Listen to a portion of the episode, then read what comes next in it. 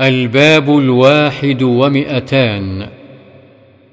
باب سنة المغرب بعدها وقبلها.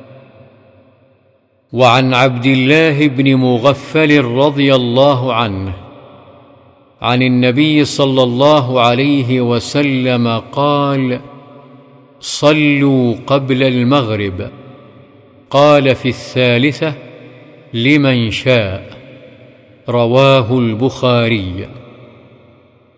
وعن أنس رضي الله عنه قال لقد رأيت كبار أصحاب رسول الله صلى الله عليه وسلم يبتدرون السواري عند المغرب رواه البخاري.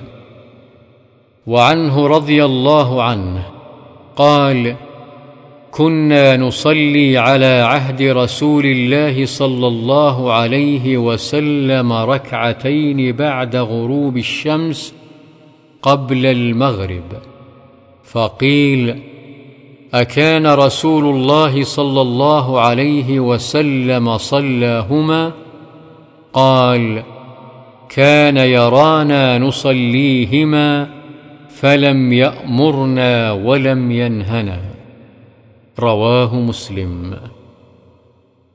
وعنه رضي الله عنه قال كنا بالمدينة فإذا أذن المؤذن لصلاة المغرب ابتدروا السواري فركعوا ركعتين حتى إن الرجل الغريب ليدخل المسجد فيحسب أن الصلاة قد صليت.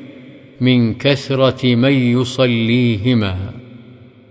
رواه مسلم.